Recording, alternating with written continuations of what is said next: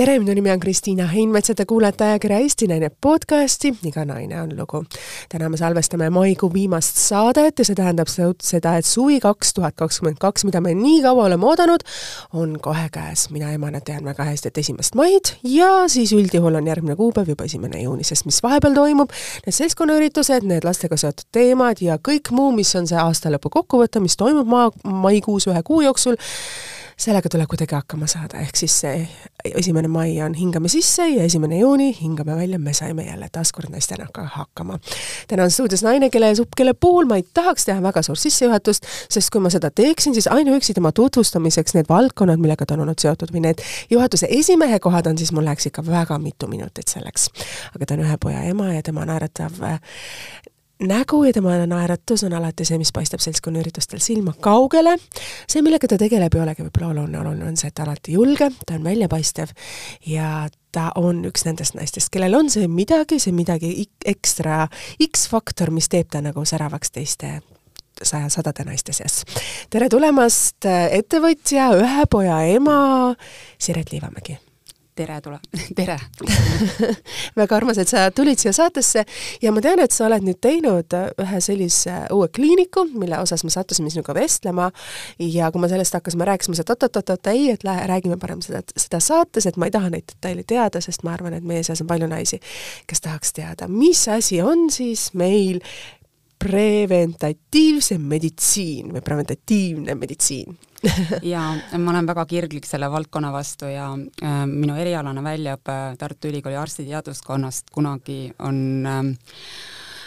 on äh,, on see, miks noh, ma armastan meditsiini, ma ei armasta äh, mulle meeldib tegeleda inimese tervisega ja ma olen eluaeg selle vastu huvi tundnud, kuigi minu elu on olnud seotud juhtimisega, töine elu. Aga nüüd äh,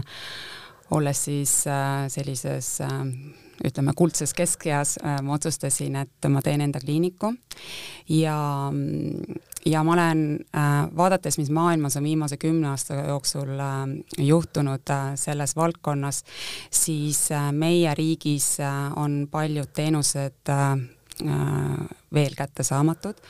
Ja ma olen ma mõtlen, et ma tahaksin tuua neid teenuseid, mida ma ise olen kogenud äh, äh, paljudes muudes riikides ja kliinikutes äh, step by step Eestisse. aga mis on teaduspõhine äh, preventatiivne meditsiin, et äh, see ongi see, et me tegeleme inimese tervisega ja püüame vältida sümptomite ja krooniliste haiguste tekkimist, et võib-olla me oleme harjunud mõelda, mõtlema, et tervis on see, kui meil puuduvad sümptomid ja kroonilised haigused, aga tegelikult äh, minu hinnangul on tervis äh, see, kas me magame hästi, kas meil on hea meeleolu, kas meil on hea seedimine, kas meil on särav nahk, ja, ja nii edasi, et, et kui siit hakkab juba midagi hargnema ja siis see on juba selline tunnetuslik ja visuaalne pool, aga me saame tänapäeva meditsiinis tuvastada organismi, meditsiinis öeldakse imbalansse või düsbalansse erinevad, erineva diagnostikaga ja kui me need, mida võib-olla igapäeva meditsiinis või see, mida Haigekassa raha eest perearstid või eriarstid pakuvad, ei tegeleta nii peenikeste nii peenikese diagnostikaga, et äh, tänapäeval on see võimalik ja, ja kui me ja kui me nagu avastame organismis teatud düsbalansse, siis me saame sellega tegelema hakata ja hoiamegi organismi hästi funktsioneerivana ja, ja mm, mis on need erisused, mida siis sa ütlesid, on nagu düsbalansid või mida meil nagu tavaliselt on, et ma tean, et mina ise näiteks teen iga aasta vereanalüüsi ja siis ma vaatan, milliseid vitamiine on mul puudu ja siis ma proovin neid kuidagi nagu endasse, poest nagu neid muretseda või teatud asju endasse nagu kuidas öelda siis ähm, nagu võttagi nagu spetsiaalse kuuri ja teha ja siis ma teen uuesti ana-, vereanalüüsi tihtipeale, et et kas see on ka üks nagu aluseid või, või, või, või mis on nagu väga tähtis? jaa, no vitamiinid ongi juba selline peenem, et, et tavaliselt me ostame seda enda raha eest ja, ja me tunneme selle vastu huvi, et mm -hmm. vitamiinide, mineraalainete äh, tuvastamine on, käib äh, sellise äh, preventatiivse meditsiini all, et et, et tegelikult kui meil on mingi vitamiini puudus, meil on võib-olla näiteks, näiteks D-vitamiini puudus ja me tunneme ennast väsinuna ja eestlastel madala. väga tihti no seitsekümmend viis protsenti. Mhm, et, et seal on ju, kui me midagi on juba puudus, siis me saame seda nagu timmida õigeks, meil ei pruugi seal sümptomit ja haigust olla, aga kui see väga pikalt on seal arenevad teemad edasi, siis näiteks äh, me saame vaadata oksüdatiivsest, oksüdatiivsest stressi kehas. mis asi see on äh,? see on äh, vabade radikaalide liigne kuhjumine, mis kahjustavad rakke mis ja... see on siis, see tähendab seda, et sul keha nagu kogub teatud ained sinusse, mis sul tekivadki siis nagu klombid nagu keha peal, mul on seletatud seda selliselt. No ma ei tea, kas nagu klombid nüüd äh, tekivad, aga vabad radikaalid teatud hulgas on okei okay,, äh, aga kui nad äh, kuhjuvad, siis noh, lihtsas keeles öeldud on see, see saastab keha ja mingi hetk saab keha selle saastusega hakkama, aga mingi hetk enam ei saa sellega hakkama. ja seal on nagu päris tõsised tagajärjed ja mina oma, oma kliinikus, mis on tänaseks äh, lahti olnud üheksa kuud ja me oleme teinud väga hulgaliselt seda oksüdatiivse stressi testi, mida me teeme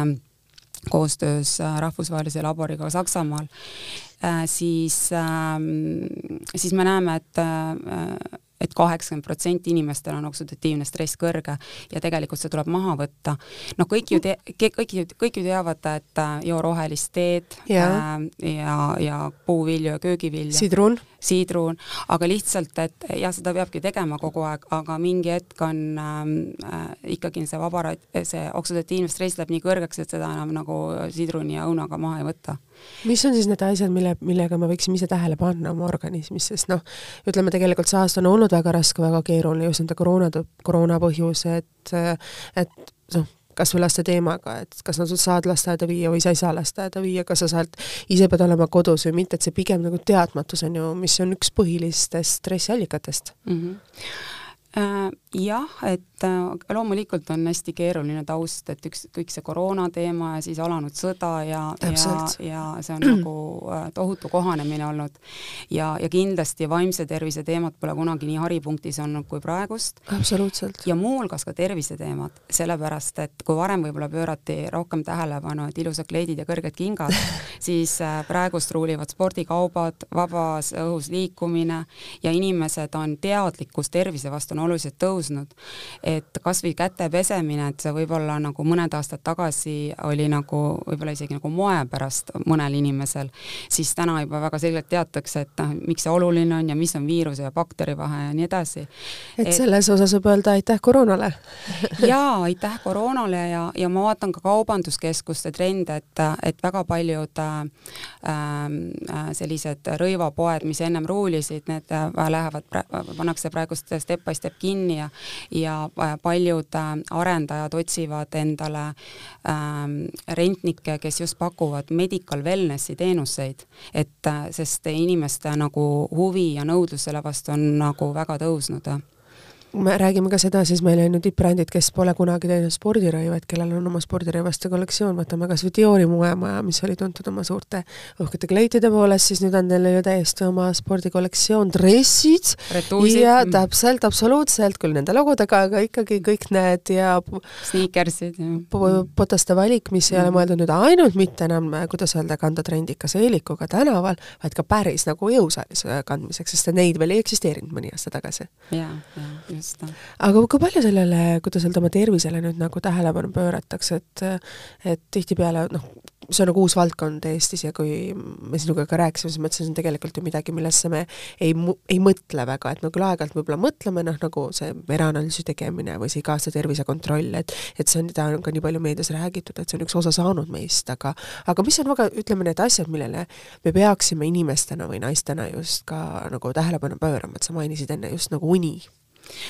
ja ma arvan, et äh, tähelepanu tuleb pöörata erinevatele kategooriatele, et ja see ongi selline holistiline teema, et mis tagab meile hea tervise ja äh, füüsiliselt ja vaimselt. et kui me räägime unest, siis äh,, siis see käib kategoorias äh, no, vaimne tervis ja, ja uni on väga oluline, et, et äh, et tagada nagu hea energiatase ja hea meeleolu ja ja, ja, ja noh, unega seal on noh, väga palju te-, noh, paljudel on see probleem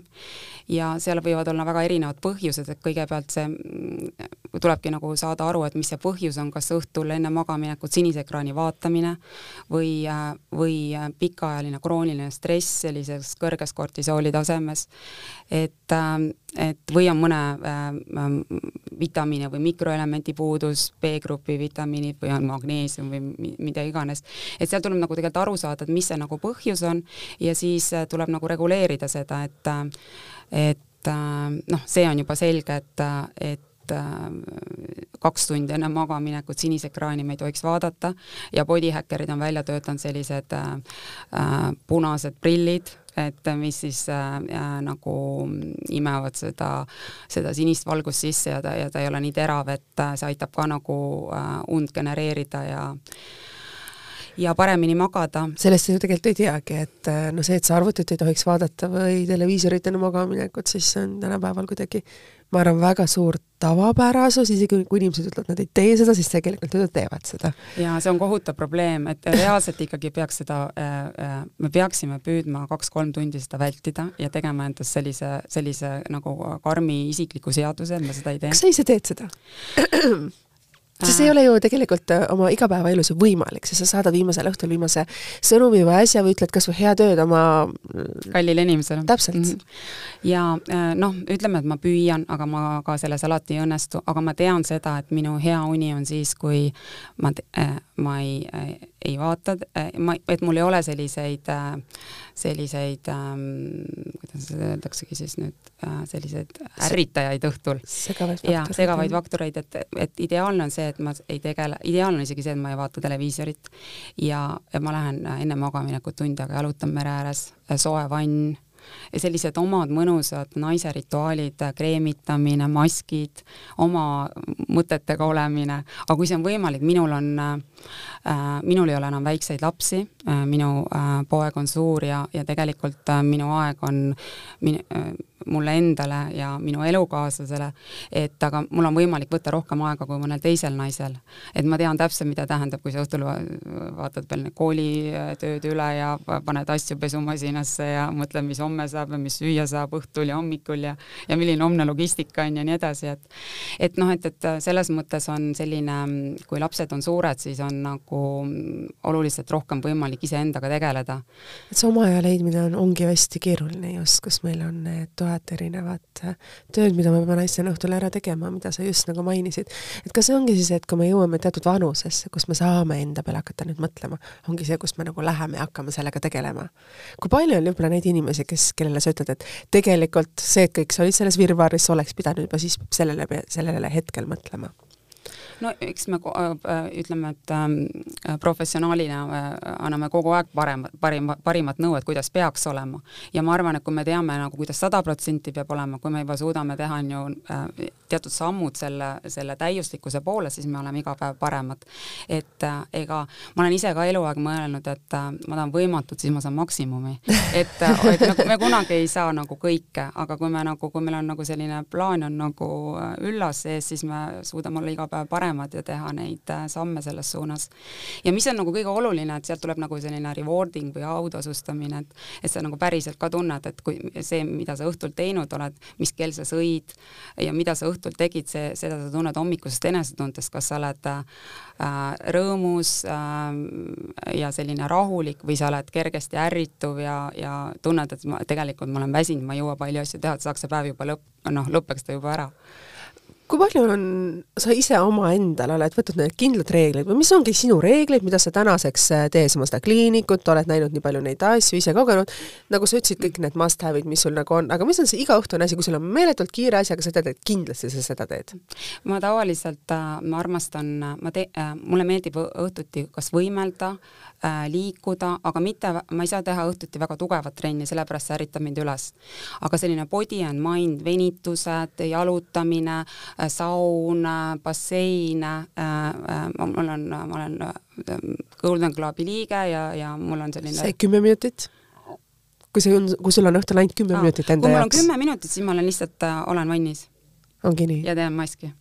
ja see vann on selline, et see on ka nagu öeldakse, et sa, sa nagu pesed selle nagu päeva nagu äh, kõik asjad nagu maha ja siis sa lähed nagu niimoodi õhkava ja õhetava kehaga voodisse ja ja siis hommikul ärkad. siis meil on midagi ühist, ma teen täpselt sama asja, et aeg-ajalt klaasi veiniga, aeg-ajalt tassi teega, kuidas enesetunne on? ja see toimib tegelikult muidugi pokaali veini osas äh, on, on ütleme, meditsiini seisukohalt ja äh, on see, et äh, pokaal veini, nagu ütleb professor Mihkel Silmer, on tervisele ohutu. aga mina ikkagi ja noh, anti-aging'u seisukohalt öeldakse, kui siis veini, siis punast veini, üks pokaal ja mitte rohkem. aga vein on ikkagi selline toidukõrvane jook äh,, kuidas ta nagu Kesk-Euroopast on nagu või sellist vanast kultuurist on tulnud. Ja, ja ta on ikkagi noh äh,, kui me tahame nagu paremini magada, siis noh, mõnes mõttes on selle veinil, ta on nagu lõõgastav tunne, kui me teistmoodi seda ei saavuta. aga noh, parem on see, kui see juhtuks ikka piparmenditeega jah, mul on just just see, et kui sul on väga suur stress õhtuti, et siis kui tegid klaas veini ja sa paned sellise, mida ma olen ise avastanud, et kui ma kuulan õhtul klassikalist muusikat, ma uinun väga hästi, teinekord ma jätan selle loo isegi mängima ja ma ärkan võib-olla öösel korra üles ja panen selle siis raadio kinni, aga just see, et sul on hästi vaevu kuuldav selline klassikaline muusika on minu enda nipp, mis paneb mind alati õhtul magama ja viib mind sellisesse meeleollu, et ma nagu päriselt nagu magan sügavalt mm. -hmm. aga sa oled Tallinna tüdruk ja ei. kuidas, ei ole? ma olen Tartu tüdruk. ahaa, okei okay., aga sa lõpetasid ära Tallinnas kooli? Äh, äh, ei, ma lõpetasin kõik koolid Tartus. kõik koolid Tartus, siis kuidagi ma vaatasin mingitest informatsioonidest sind guugeldades, nagu ma alati teen seda, kuidagi oli nagu jäänud see Tallinn sinna silma, et äh, ei, ma tulin ja üheksakümne seitsmendal aastal Tallinnasse ja siis äh, mäletan pärast äh, Tartu Ülikooli arstiteaduskonna lõpetamist, siis ma kandideerisin ähm, ravimifirmasse Tallinnas tööle ja ma sel ajal tegelikult ei teadnud, kuidas Nõmmelt äh, Lasnamäele ka saada, et et see oli see, ütleme, sinu elu, kuidas sa alustasid. miks sa läksid õppima meditsiini, sa oled kunagi artiklis nagu öelnud seda, et sinu ema oli see vald, selle valdkonna töötaja, isa oli äris ja kui sa läksid seda valdkonda õppima, siis sa tegid selle otsuse oma, kuidas öelda siis, südame järgi. ülikooli lõpetades sa avastasid, et ups, et sa ei suuda isegi oma korteriüüri tasuda, et sa pead oma elus nagu tegema teisi valikuid. kui raske on nagu naisena olla sellises olukorras, et sa oled teinud midagi, mille eest sa unistad aga see ei toida sind ära, et sa ei saa oma elu alustada, et kas see on nagu kerge või raske või kuidas sa nagu ise naisena tundsid, et sa siis nüüd sealt Tartu tüdrukuna tulid siia Tallinnasse, hakkasid oma elu üles ehitama? jaa, see on, et minu ajalugu selline on, see on ühtepidi ajamärk ja teistpidi äh, minu isikliku elu traagika. et ajamärk sellepärast äh,, et kui iseseisvuse algajal äh, oleks haiglas töötanud, siis äh,, siis selle rahaga ei majandanud ennast ära, mida sa just mainisid. aga teistpidi oli ka see, et ma olin selleks ajaks vanemad kaotanud mõlemad, et äh, seal ei olnudki nagu, et ma pidingi ise hakkama saama et äh, aga jah, et miks ma nagu meditsiinini jõudsin, minu ema mm, oli äh, oli äh, jah, oli meditsiinisüsteemis ja, ja, ja ma olin eluaeg näinud neid süstlaid ja kuuldetorusid ja valgeid kitleid ja eks ikkagi lapsed, sa ju tegelikult, sa ei oska nagu valida, sa näed, mida sa multifilmist näed või mida kodus tehakse või mida lähedased, mis tööd nad teevad ja selle järgi sa valid. et ja noh, äri oli nagu nõukogude ajal üldse selline, et ma saan tagantjärgi küll aru, et mu isa oli nõukogude aja nagu ettevõtja, aga noh, et seal, sel ajal nagu isegi jah, seda valdkonda nagu hästi ei hoomanud hoomanud, et äh, jah, mulle meeldis see valge kittel ja arsti mängida, et et nagu sealt see valik äh, tuli. aga ma ei ole nagu äh, kahetsenud, et minust ei saanud siis tervishoiutöötajat läbi nende aastate, et mul on olnud väga huvitav erialane karjäär ja väga kihvtides suurtes ja rahvusvahelistes firmades, et ma arvan, mu isikutüübile see, et ma orienteerun meditsiinis ja, ja, ja oskan nagu asju korraldada ja näen suurt pilti, et see on, ongi võib-olla nagu õige. et äh, see läheb mõnes mõttes juurde, kuidas öelda siis äh, oma juurte juurest tagasi, selles mõttes, et sa alustasid ju meditsiinis ja nüüd sa töötad ju täpselt samamoodi samas valdkonnas uuesti, luues ju arstlikku kliiniku, sest ilma sinu haridust omamata sa seda ei saaks teha jaa, äh, no äh, kliinikut luua saab omanik võib olla ka, aga, aga et ei, omanik ei pea olema ise arst. aga, aga jaa, et kui ma oma viimast CEO karjääri tegin, siis ma juba hakkasin sel ajal nagu flirtima selle anti-aging meditsiini ja, ja, ja ja ennetava meditsiiniga ja ma mõtlesin, et äh, kui ma nüüd selle äh, rahvusvahelises korporatsioonis äh, lõpetan, siis ma teengi kliiniku ja alguses ma hakkasin mõtlema, teen anti-aging kuurorti. aga see on nagu väga mastaapne ja, ja kuskilt tuleb nagu alustada ja siis ma mõtlesin, ma alustan linnakliinikus step by step teatud siis diagnostikate, teraapiate ja niimoodi toomist ja ja ka ja, ja ka nende inimeste enda ümber nagu kogumist, kes, kes armastavad ähm, anti-aging ja preventatiivset meditsiini, et kui meid on rohkem, siis me suudame teha ka suuremaid asju. sinu esimene töökoht oli ju väga suures äh, ettevõttes, nagu sa ise ka mainisid, et sa tulid siia Tallinnasse, sa hakkasid kohe selles ravimifirmas nagu tööle äh,. kui keeruline või raske oli sul nagu noore naisena hakkama saada, sest see oli ikkagi valdkond, mis äh, oli mõnes mõttes nagu keeruline ja siis naisena ennast meditsiinis ikkagi juhtivtöötajana kehtestada võis olla omamoodi challenge. Ja ma mäletan, loomulikult neid äh, sellest eneseületamist ja tahte pealt panemist on, on, kui ma ikkagi mõtlen nende äh, kahekümne või viimaste, viimase kahekümne või rohkem aasta kohta, siis see on ikkagi selline, see ei ole mugavustsoon. ja ükspidi, et ühtepidi, et kogu aeg nagu eneseületamine, parem olemine, sageli ka sa teed asju, kus su tegelikult kompetents võib-olla ei olegi valmis, aga sa lihtsalt saad seda tehes äh, nagu küpseks. ja, ja see ongi nagu eneseületamine ja teistpidi, kui äh, meie noh, me oleme nagu selles eas, kus väga paljud noored said väga väga palju äh, palju võimalusi, kui, kui sul oli nagu teatud isikuomadused ja teatud haridus, sa said hakata nagu üliägedaid asju tegema hästi vara. et noh, et, et äh,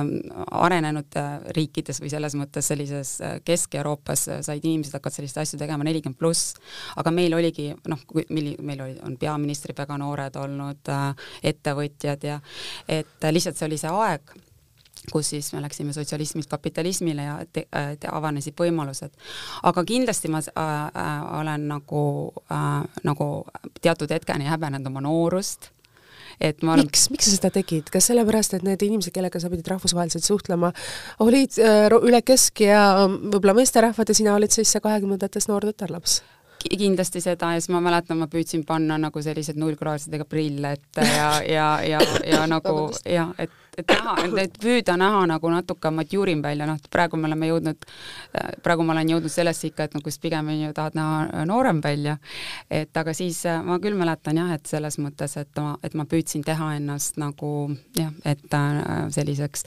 konkreetsema, võib-olla ei saanud olla täpselt, kes sa nagu loomu pärast sel hetkel oleks tahtnud olla ja sellised riided kanda, et sa pidid nagu, ma ei tea, panema selliseid nagu nii et välimus on naisjuhi juures oluline, et sa pead seda, sellele mõtlema? Ma arvan, et see on nii naiste kui meeste juures oluline, tegelikult ikkagi, kas inimene on esteetiline või ei ole ja milline tegelikult kui me räägime ärist, siis äri on ikkagi suhted ja, ja see on äh, ja, ja see on ka ikkagi see, et äh, head asjad juhtuvad siis, kui on partnerite vahel hea match. see ei tähenda, et see peaks olema selline romantiline match, aga selles mõttes, kui sul inimene on nagu hästi, ma ei tea, mees hästi kukkuvas ülikonnas ja, ja enda eest hoolitsetud või hoolitsev ja siis naine on noh, inimesed, noh, see, see nagu ikkagi, see on nagu first sight ja me võime ütelda, et välimus ei ole tähtis, aga, aga kõige muu juures see annab juurde. sa said ka väga noorelt emaks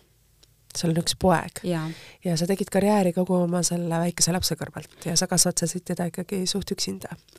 jaa, no äh, väga noorelt, noh jah, võib-olla tänase, tänase aja mõistes äh, kahe, kahekümne viieselt vist, et äh, jaa, aga äh, sa said vanuses, kus sa pidid tegelikult tegema karjääri ja ennast üles ehitama selleks, et oma arveid ju maksta, et et see on ikkagi nagu lapse saamine sellises, kus sul ei ole võib-olla majanduslikku kindlustatust, on ikkagi keeruline minul ei ole majanduslikult probleemi olnud, sest ma olen nagu selles äh,, ma olen nagu kogu aeg tööd teinud ja, ja ma olen tundnud, et mul on alati olnud äh, no, et ma olen hakkama saanud äh, eluga ja ma olen alati iseseisev olnud. et ma, ma ei, nagu ei tunne seda ja, ja minu, minu minu lapse isa ja minu äh, endine elukaaslane, noh, see on selles mõttes, et mul on nagu äh, väga vedanud, et mul on väga-väga hea lapse isa ja ja ma nagu seda, minu jaoks ei ole see teema olnud, võib-olla on teema olnud see, et äh,, et ma olen nagu nii äh, äh, busy olnud. Ja mul on nagu, mul jääb eluks ajaks üks, üks asi meelde, et ma töötasin siis rahvusvahelises ravimifirmas Novartis ja ja kuskile ma pidin jälle minema ja siis, siis ma mäletan, mu laps ütles ükskord, et, et mitte süüdistades mind, aga ütles, et emme, kas nad aru ei saa, et sul on väike laps? oi, see oli valus ja, ja see pani väga hinge. mõtlema, et, et, et tegelikult sa pidid tegema ja selles mõttes, et nagu hakkama saama ja äh, majanduslikult ja, ja, ja saingi, aga lihtsalt see, et, et võib-olla noh, oleks äh, noh, kui täna vaatan tagasi, siis tegelikult ideaalis oleks tahtnud äh, nagu rohkem pühenduda, et oleks nagu eraelu ja tööelu rohkem balansis. mina pean küll siiamaani ütle, ütlema, et mul on alati olnud nagu rohkem, on ju, fookus äh, äh, tööl, sellepärast et mitte, et ma oleks tahtnud, et see oleks olnud, aga kuidagi see kujunes niimoodi välja. et neid asju nagu saavutada ja olla omal tasemel, siis noh, see oli nagu kogu aeg, on ju sa pidid langetama otsuseid lihtsalt, et mida Ots... sa ja kuidas sa oma aega planeerid? jah, ja lihtsalt, et ikkagi midagi ei saa teha, et see et, nagu äh, töö kandub koju üle ja, ja ma mäletan ka seda, et kui tegelikult laps juba, ta sai juba aru sellest, et näiteks ta räägib ja siis tegelikult sa ise mõtled oma mõtet, on ju mm, -hmm, aga tegelikult sa ei ole kohal. et äh, aga, aga ei, aga tegelikult on äh,, on jälle teisipidi olnud, et on äh,, on nagu, on võimalusi lapsega väga palju nagu maailma avastada ja huvitavaid reise teha ja ja ma arvan, et äh, et eks me alati tahaksime, et midagi oleks nagu täiuslikum, aga aga päeva lõpuks saab naine hakkama väga hästi kõigega. aga, aga, aga loomulikult äh, see on nagu noh, see on nagu pingeline ja see võtab palju energiat ja vahest mõtledki, et kas noh, võib-olla võiks elu kergem olla sa mainisid siin saate alguses sellise lause, mis pani mind väga mõtlema, et et sa võib-olla oleks tahtnud omada rohkem naisenergiat oma elus, kui sa olid noorem? jaa äh,, ma olen, ma arvan, et ma olen oma olemuselt äh, äh naiselik ja väga kõrge naisenergiaga tüüp, tüpaaž, aga, aga naine, äh, kes teeb äh, juhtivat tööd ja kes vastutab, ta elab meesenergias. Et äh, tegelikult naisenergia on see, et noh, et sa teed, et asju on ju go with flow ja see ei ole nii punktuaalne ja sa ei pea langetama, et nii, et see, see, otsustame nii, lähme edasi ähm,. Ähm, sa ei pea, nai-, naise energia looduse poolt ei ole nagu selline radikaalne, kiiresti otsustav ja see ei ole madal start. et kui sa oled mees, noh, sellises, selles meesenergia tasemes, siis sa oled nagu teistmoodi ja see ei ole ka võimalik, kui sa teed siis seda, seda juhtivat tööd ja nimetame seda lihtsalt siis, et see on nagu meesenergia, see ei ole ka võimalik, et sa oled koju ja siis sa oled nagu ülivoolav ja ja selline šarmantne, sellepärast et sa, see ümberlülitamine ei ole nagu, et no nii, nüüd ma olen kodus, nüüd on niimoodi, paneme teise nupu sisse. et äh, selle, selleks läheb ikkagi aega, et äh, sellepärast äh, ma mõnes mõttes vahest mõtlen, et looduse mõttes ikkagi võiks naised noh, olla sellised no see on, kuidas keegi soovib, aga mina oma kogemusest nagu ütlen, kui minul oleks mhm. tütar, siis, siis mina oma tütrel äh, kui minu soovitus äh, oleks oluline ja, ja tütar küsiks seda, siis ma pigem soovitaksin tegeleda selliste nagu loovate asjadega ja, ja et seal, et, et naine ei pea olema nagu jäämäe tipus üksinda. et aga loomulikult, äh, kui see naine seda soovib, siis see on väga tore vabandust. jah, et, ähm, et aga, aga mulle nagu ise ma mõtlen küll, et äh, see, et oleks nagu toimivad peresuhted, mehe-naise vahelised suhted, siis naine on ikkagi see, et äh, no sa pead nagu, sa ümardad, sa teed pai, sa, sa lood keskkonna, sa lood meeleolu, aga kui sa oled nagu selline äh, ületöötanud, närviline, liiga radikaalne ja otsustav, siis, siis on äh, noh, ta on nagu natuke on see sassis, et see võib-olla ta ei, ta ei nagu ei voola nii hästi, kui ta peaks. see on võib-olla see sisemine tasakaal, mis, millele võib-olla, kui me olime noored, selle iseseisvuse ajal, sellele me isegi ei mõelnud või sellist sõna ei olnud, sest elus oli vaja ellu jääda mm. -hmm, nagu sa ütlesid, et oli vaja sõita Nõmmelt Lasnamäele ja see, et kuidas sa seda teed või mismoodi sa teed, see ei olnud nagu oluline, et sa pidid lihtsalt hakkama saama, et jääda ellu. ja täna, kus meil on, kuidas öelda, jalad all võib-olla, me alles hakkame nende asjade peale mõtlema. jaa, aga noh, fakt on ka see, et tegelikult miks on see kihvt olnud, et tegelikult ma alati mõtlen, et meie oleme ju seda riiki ehitanud. ja, ja kõiki asju äh, äh, nagu loonud, et äh, tulid ju uued äh, riigis, riigi, kui me riigi poolt vaatame, kõik uued seadusandlused, mul on väga palju sõpru, kes on nagu nende juures olnud, siis ju kõik need ettevõtted on ju, kuidas tootmisettevõtetes said siis bränditud ettevõtted. Ja noh, ja noh, see, me oleme nii palju nagu andnud isiklikus elus äh,, ma ei tea, ütleme, mitte isegi nullist, aga miinusest tulnud üles. et, et see ongi hoopis teine, nüüd meie nagu lapsed, nendel on nagu hoopis teised väärtused, et noh, nemad, no võib-olla ongi nagu lihtsam keskenduda äh, nagu prügi sorteerimisele ja mis on väga oluline teema, aga lihtsalt nagu nad saavad nagu äh, teha nagu projektipõhiselt asju, et kui sa nagu, äh, kui sa nagu midagi üles ehitad, sa ei saa niimoodi, et sa kolm kuud töötad ja siis ma kolm kuud ei tööta ja siis vaatad nagu uusi asju, et äh, elustiil on hoopis muutunud ja võib-olla ka eluväärtused on hästi palju muutunud, see, et et see, et sul on vaba aega, et sa saad elada ka oma isiklikku elu, et see on täna palju olulisem kui see karjäär. Jah, aga see saab oluline olla siis olla, kui, kui sul on nagu äh, raha, et osta äh, sööki. et äh, mida meil omal ajal me mõtlesime. jaa, ma mäletan, ma unistasin apelsinimahlast, et saaks juua nii palju, kui tahan. et ma vaatasin purdat. minu, minu unistus oli lapsena banaani süüa mm. -hmm. et noh, sellised väikesed unistused ja kui me mõtleme täna, kus me oleme, siis see on väga suur areng. absoluutselt aga mõnes mõttes teeb mind natuke nagu e, ettevaatlikuks see, mis nagu toimub, et kui ma vaatan kui ma ise praegust värban noori tööle, et tegelikult äh, äh, ikkagi see nagu see äh, et see nagu nii palju nagu et ei ole, et ongi nagu projektipõhine, et ma mäletan, ma ei julgenud nagu, kui ma noor olin, ma ei julgenud nagu pikalt puhkusele ka minna, siis ma mõtlesin, äkki rong läheb ära või, või äkki mind lastakse töölt lahti, aga aga noh, vaimse tervise mõttes on jälle õige, et noh, et, et noh, noored töötavad ja siis äh, töötavad kolm kuud, siis valivad edasi, kui me vaatame nagu sotsiaalmeedia inimesi ja turundusinimesi, et selline, et et aga igal juhul isikliku elu mastaabis on praegust ikkagi nagu ma arvan, noortel on ju äh,, nad säilitavad vaimse tervise, ma arvan. no tegelikult vaata, sa räägid sellest, et kui meie olime ma vabandan mul on kuidagi hääl ära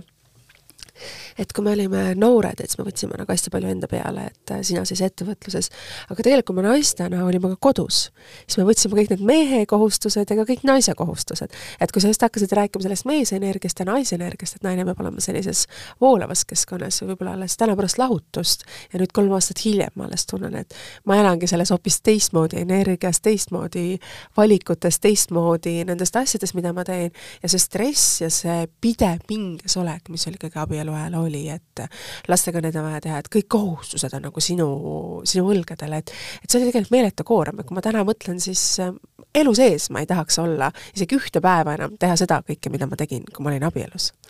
Aga noh, ma arvan, et see sõltub ikkagi ka äh, abielust ja partneritest ja, ja, ja tegelikult noh, kas peabki kõiki kohustusi võtma, on mingisugused kooslused, kus ei ole teist varianti, et üks ei võta ja teine on sunnitud võtma. ideaalis, eks ta võiks ikkagi olla niimoodi, et seal on selline nagu, nagu kuidagi selline ähm, nagu asjad kujunevad loomulikult välja ja, ja mehel noh, paari,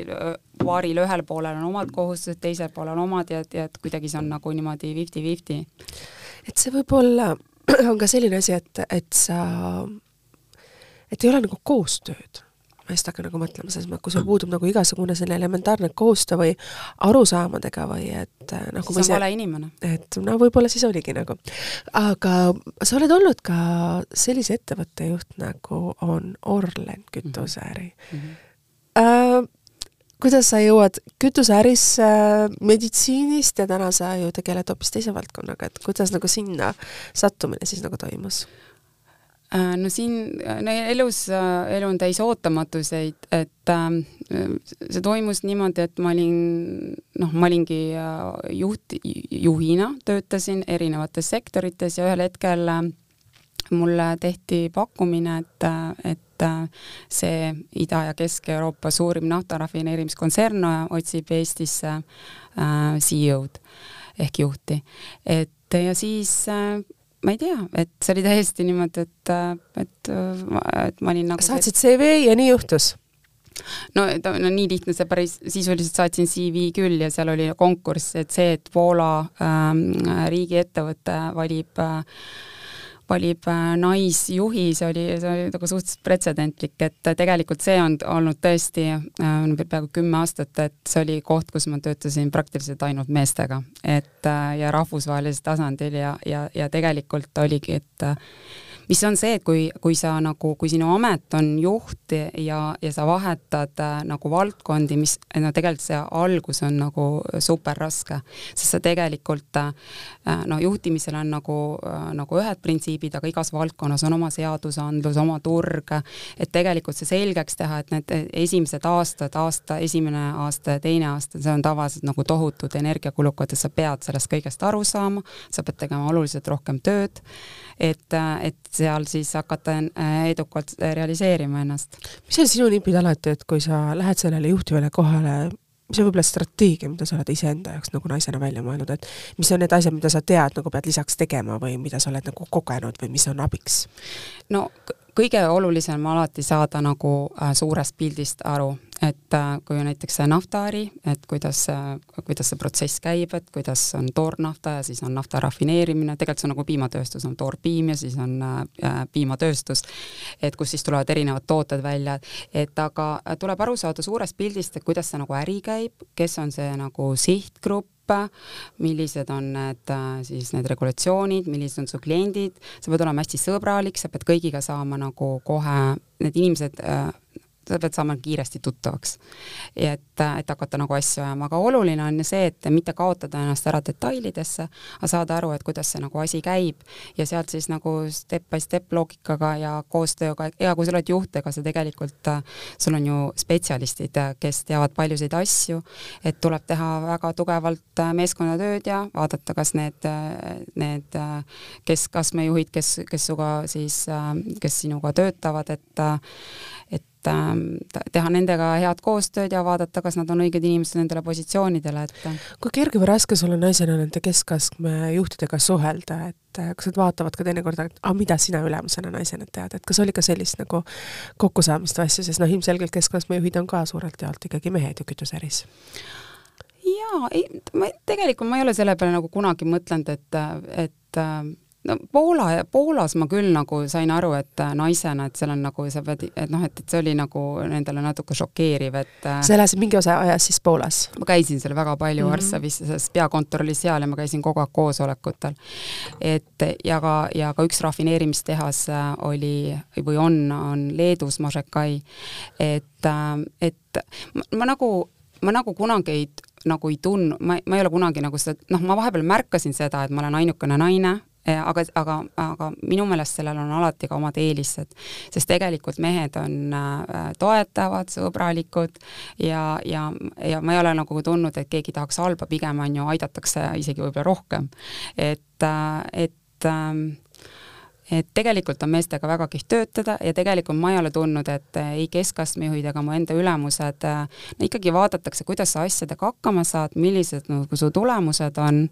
Ja, ja kui me vaatame Orleni aega tagasi, et mul oli äh, Eesti turust oli kaheksakümmend protsenti ja seal ei ole nagu rohkem võimalik nagu saavutadagi. et see pole oluline, oluline on see, mida numbrid räägivad ja kuidas sa need saavutad.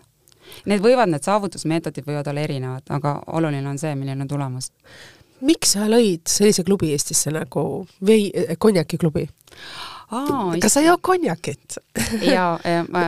ma, ma pean ütlema, et ma ei ole väga suur konjakijooja, aga ma olen väga suur konjakispetsialist. Miks tegelikult see tuli nagu, see oli nagu aastaid tagasi, me olime äh, naabrinaisega ja oma, äh, temal oli siis äh, poeg ja minu poeg ja nad olid ühevanused, olime Kelgumäe peal. ja naabrinaine oli väga suur selline pro-, tähendab selline konjakiproua ja temal oli, temal oli alati see, et ridikulis peab olema hea raamat, väike konjak ja, ja siis me olime, olime, lapsed kelgutasid külmaga, olime seal mäe peal ja, ja võtsime siis niimoodi äh, soojenduseks äh, paar lonksu konjakit ja siis seal tekkis mõte, et issand, et et äkki peaks minema sinna äh, Eesti konjakiklubisse. ja, ja mõeldud-tehtud, et et äh, siis keegi meist võttis ühendust selle klubiga, aga selgus, et seal on ainult mehed. Ja nemad ei, ei soovinud naisi. ja siis me mõtlesime, et aga teeme siis enda klubi. Ja, ja, ja see, et asutasime Eesti Naiste Konjakiklubi, tegime notaris kõik, kõik selle ära nii, nagu peab. Ja, ja mis siis, ja siis me hakkasime väga palju käima konjaki piirkonnas ja mul on seal siiamaani oma vaate, et äh, Chateau de Montipos, et Aha äh, aga me hakkasime käima ja, ja mis oli kõige ägedam, et sel ajal mis oli siis üheksakümnendate algused äh, või keskpaik, et sel ajal oli see, maailmas oli palju konjakiklubisid, aga naiste konjakiklubi oli pretsedent. Aga tänaseks ma ei ole selle klubiga aktiivselt enam seotud, ma tegin seda kümme aastat, klubi on tänaseni väga edukas, äh, kõik toimib ja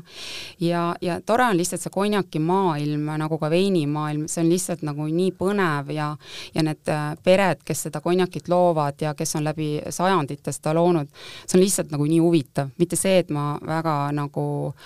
jah, mulle meeldib konjakis leida neid erinevaid noote ja lõhnasid äh,, lõhnasid ja, ja maitses erinevaid noote ja, ja nautida seda värvi ja kogu seda konjaki elu ja seda šatoode elu seal,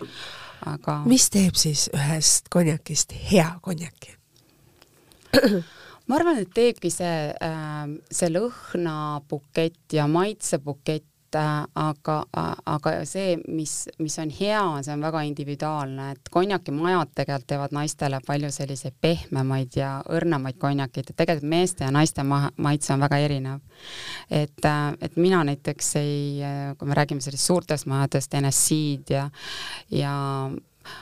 äh, Martinid ja, ja kõik, ma, ma ei, ma ei, ma kunagi seda ise ei telliks, aga, aga niimoodi nautida selliseid peeneid konjakeid ja eri aastaaegu ja näiteks enda sünniaega,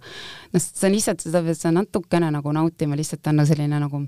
see on eriline kogemus elus, mis jääb meelde.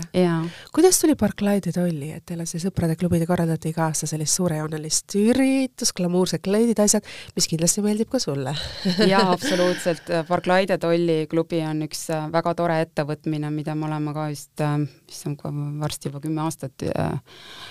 teinud, et ähm, noh, ta tuligi mul on väga inspireerivad sõbrad, ja, ja, ja, ja kihvt tutvusringkond ja ta tuligi ühel vestlusel äh, tegelikult äh, me teeme seda mitme peale. Me,, äh, meil on seal Andrei Dvorjaninov äh,, Kristel Meo, Siim Kabrits, mina Priit Pihelpuu. Ja, ja tegelikult ta tuli niimoodi, et äh, Siim, kes on nagu tohutu ajaloo,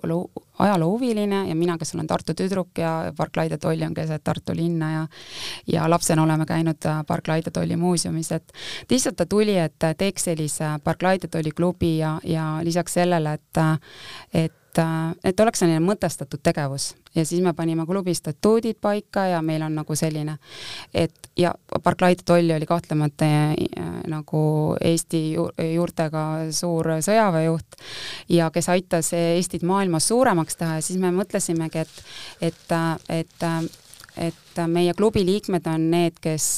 kes mõtlevad suurelt ja aitavad Eestit maailmas suuremaks teha. ja siis me hakkasime andma välja äh, Barclay tolli teeneteristi inimesele, iga aasta anname ühe teeneteristi, kes siis ju on oma elus teinud Eestit suuremaks. et tal on selline, et me tunnustame Äh, äh, me teeme selliseid inspireerivaid üritusi, me teeme vähe, aga seda kvaliteetselt, siis me hakkasime seda pallikultuuri äh, tekitama, kus siis tõesti inimesed nagu on nagu riides ja, ja kõik see palliprogramm on, on selline, nagu ta pallil peab olema ja me teeme seda Keila ja Lossis. Kas sa oled ise seda pallikultuuri ka kuskil mujal varem kogenud, et sa oskasid seda sisse tuua, et teada, et selline asi eksisteerib, sest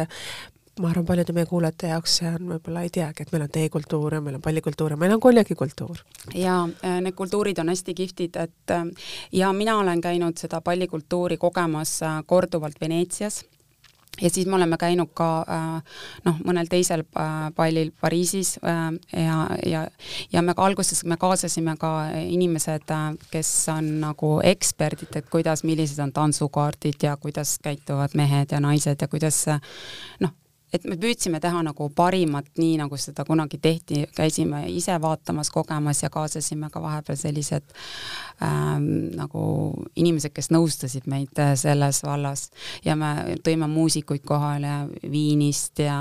ja selliseid, et äh, milline on nagu pallimuusika ja, ja, ja noh, et nad oleks sellised hästi šikid üritused. seal oli sajale inimesele umbes. mis on see detail, mida sa avastasid, mida sa ei teadnud, et eksisteeribki näiteks selle pallikultuuri juures? no, no ma ei tea, kas ma nagu sest pall, ma arvan, et paned meil ilusad kleidid selga, kontsad jalga, teeme soega ka... ja lähme sinna edasi. aga küsimus on ka näiteks, et äh, noh, pallikleit on see, et ta on alati ikkagi pikk et ta ei ole kuskil, ta ei poole sääreni ei ole. et see on sellised siis väiksed etiketi detailid? etiketi detailid ja neid on seal väga palju. noh, see tantsukaardi teema oli minu jaoks väga põnev. aga see, et kuidas nagu, kui on kontserdi osa, kuidas naised istuvad ja mehed seisavad Aha, ja vot, vot, vot. ja, ja noh, selline, selline ülidelikaatsus ja selline äh,, kuidas see kõik seal nagu äh, nagu väga väljapeetult käib, et, et ja, ja tegelikult on ka see, et, et kui üks inimene ei, täpselt ei tea, aga ta näeb, et keegi kõrval käitub kuidagi väga erinevalt, siis tegelikult sa juba selle, selle rolli selle protsessi käigus sa juba hakkad nagu ka teiselt nagu üle võtma seda, et ähm, et kuidagi, eks alguses nagu ikka, et esimene ei ole võib-olla nii hea, kui tahaks ja aga siis sul tekib nagu, kui sa juba teed, on ju, kuus palli ära, siis sul tekib juba professionaalsus, kuidas seda teha. Et sa oled äh, niivõrd et sa räägid oma asjadest hästi nagu huvitavalt ja inspireerivalt ja siis mingil hetkel tegelikult me ju, nagu sa ütlesid ka, et naistena mõtleme, et naisenergia ja meesenergia, et palju sa mäletad oma emast, et mis on need energiad, detailid, asjad, mida sa nüüd oled nagu temast üle võtnud, sest kui me saame emaks ja kui me jõuame teatud vanusesse, siis me hakkame kuidagi naistena elule vaatama võib-olla veidi teistmoodi ja teatud detailid ja asjad ja sündmused, kas või see väike vann ja see tassiga rohelist teed äh, muutuvad oluliseks, näiteks noh, see on see, mida, mida minu ema tegi kunagi nooruses, et see õhtutass teed, et see on ka osa nüüd minust, et mis on nagu need detailid, mida sa isa mäletad, et sinule jäid lapsepõlves sisse, mis on nüüd osa sinust? Mm, ma ise arvan, et mul on võib-olla äh, nagu vanaema isegi on suuremaks eeskujuks olnud ähm,. miks? ma ei tea, ta äh, sellepärast, et ta oli hästi äh, äh, särav isiksus ja väga selline äh, hoidis äh, hästi tugevalt peret koos ja, ja lõi need äh, äh, nagu peretraditsioonid. et ta oli äh, nagu selline tugev naine äh, seesmiselt alati väga sätitud ja tema ütles ka oma tütre, tütartele, et kui olid nagu ripsmed või kulmud ei olnud nagu äh,, siis käidi juuksurist tegemas selle musta värviga. et kui need hakkasid nagu kuluma, siis peab neid värskendama ja hoidis nagu kõigil õmbles riided selga. kõik, meil on, ma olen kasvanud üles purdade ja lõikelehtedega. kui armas et ja siis oli ehted ja, ja kuidas endast sättida, et noh, et sellist naiselikkust ja sellist eluga hakkama saamist, et ja sellist nagu tohutut sellist rõõmsameelsust ja, ja sellist inimest äh,, inimeste kesksust, et ma ise olen ka väga inimeste inimene ja mulle nagu äh,, mind väga inspireerib äh, hea seltskond ja ja, ja see on minu jaoks väga oluline, et äh, et et, et inimesed naerataksid ja inimestel oleks ja kui on nagu rasked ajad, et, et hoiaks ikkagi meeleolu ja, ja, ja oleks selline õlatunne ja et inimesed oleks hoitud. Vaata, kui palju tegelikult on neid detaile, mida me lapsena ei märka ja mida me vanem, vanemas vanuses nagu hakkame meenutama, sest on need asjad, mida me tahaks oma lastele edasi anda jaa, et ma, ma arvan, et jaa, et ikkagi jah, sellised laste kasvatamise osas ma olen ka mõelnud, et et, et mis see vanema roll on ja ma olen nagu äh, äh, ma olen nüüd siis jõudnud selleni, et ma arvan, et äh, lapsevanematena me peame oma laste nina panema erinevatesse kohtadesse äh,, on siis, ma ei tea, kultuur, muusika, sport või mingid muud asjad, ja kas see lapsele meeldib või ei meeldi. aga see, kui me oleme nagu erinevatesse kohtadesse neid äh, niimoodi kaasanud äh,, isegi kui see ei ole vaba, nende nagu selline siiras soov alguses, siis hiljem nad on selle eest tänulikud ja suudavad teha rohkem valikuid. Et äh, et me aitame ja näiteks äh,